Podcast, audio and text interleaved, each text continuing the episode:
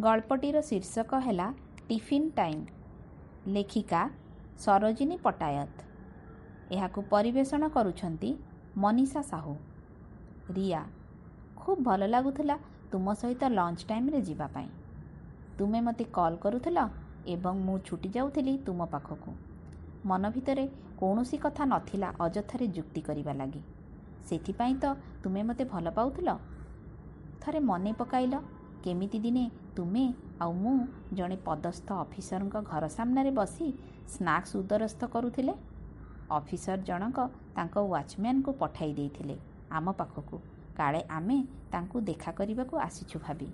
ତାପରେ ତୁମେ ଗାଡ଼ି ବୁଲାଇ ଜଣେ ରାଜନୈତିକ ବ୍ୟକ୍ତିଙ୍କ ବାସଭବନ ସମ୍ମୁଖରେ ମୋତେ ନେଇଯାଇଥିଲ। ସେଠି ସେମିତି କିଛି ବି ଅସୁବିଧା ହୋଇନଥିଲା। ତୁମେ କହିଲ ସୁବୋଧ ରାଜନୈତିକ ବ୍ୟକ୍ତିଙ୍କ ପାଖକୁ ଅନେକ ଦୁଃଖୀ ରଖି ଆସୁଛନ୍ତି। ତେଣୁ କେହି ଆମକୁ ଦେଖିଲେ ଭାବିବ ଆମେ ବି ସେମିତି କେହି ହୋଇଥିବା? ସେଇଦିନ ଆମେ ସେଠି ବସି ଖୁସି ମଜାରେ ସ୍ନାକ୍ସ ଖାଇଲେ ଏବଂ ନିଜ ନିଜ କର୍ମସ୍ଥଳୀକୁ ଫେରିଗଲେ। କିନ୍ତୁ ଏଇ କେତେ ଦିନ ହେଲାଣି ମୁଁ ଲକ୍ଷ୍ୟ କରୁଛି ତୁମେ ମୋତେ ଆଗ ଭଳି ଭଲ ପାଉନ। ତୁମକୁ ମୁଁ ସତରେ ବହୁତ ମିସ୍ କରୁଛି। ଦିନସାରା ଭିତରେ ଖାଇବା ସମୟରେ ତୁମେ ମନେ ପଡ଼ୁଛ।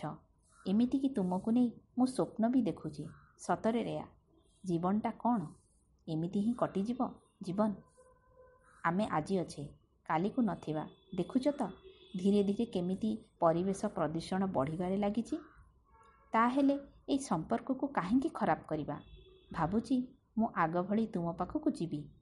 ଆଉ ଆମେ ଆଗ ଭଳି ତୁମ ଗାଡ଼ିରେ ସାରା ସହର ବୁଲିବା।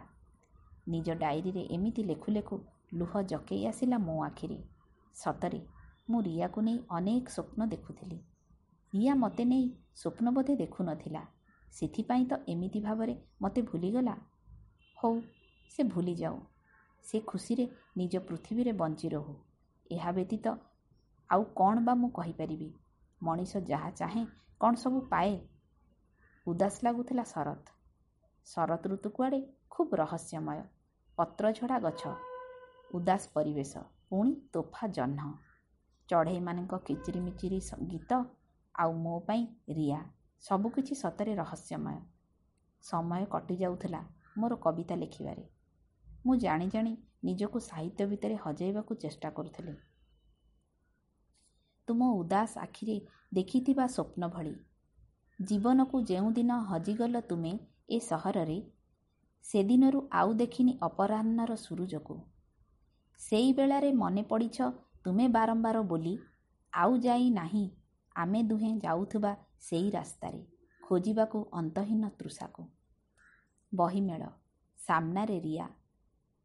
ତାକୁ ଏଠାରେ ମୁଁ ଏମିତି ଭାବରେ ଭେଟିବି ବୋଲି ମୋଟେ ଭାବିନଥିଲି ରିୟା ପୂର୍ବ ଭଳି ଖୁବ୍ ସୁନ୍ଦର ଦେଖାଯାଉଥିଲା। ତା ସହିତ ତା'ର ଜୀବନସାଥୀ ଥିଲେ।